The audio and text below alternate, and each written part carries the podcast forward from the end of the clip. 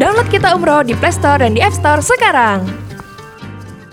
Assalamualaikum warahmatullahi wabarakatuh. Waalaikumsalam warahmatullahi wabarakatuh. Eh, gini Ustaz, ada pertanyaan nih Eh, bahwa bagaimanakah dosa seorang anak yang kerap menca- mencaci orang tuanya, bahkan eh, menyumpah orang tuanya.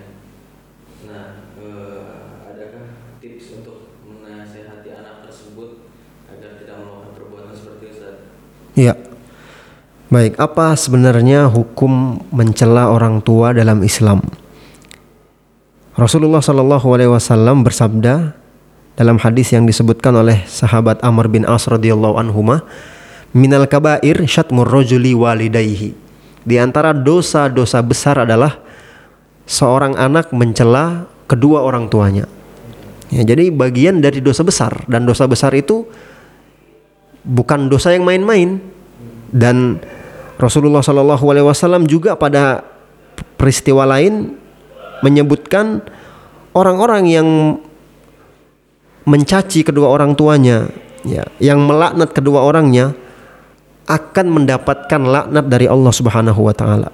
Rasulullah bersabda, "Wala'anallahu man la'ana walidayh." Allah melaknat siapa yang melaknat kedua orang tuanya. Allah melaknat orang yang melaknat kedua orang tuanya. Ya. Terus apa solusi bagi kita khususnya di masyarakat Indonesia yang melihat fenomena yang sangat sering kita dapati orang anak ngelunjak kepada orang tuanya ya ngata-ngatain. Iya nggak dibeliin handphone buat push rank ya kan? Apaan sih lu Mbak? dasar ibu miskin. Ya Allah naudzubillah min zalik. Nah ini bentuk yang sangat tercela dan bisa jadi dosa yang dia dapatkan itu dia terima cash di dunia.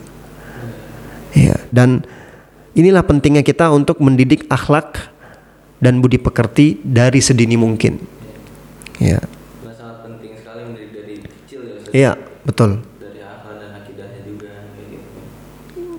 Terima kasih Ustaz Ya. atas jawabannya. Subhanallah bihamdika asyhadu an la ilaha illa anta astaghfiruka wa atubu ilaik. Assalamualaikum warahmatullahi wabarakatuh. Waalaikumsalam warahmatullahi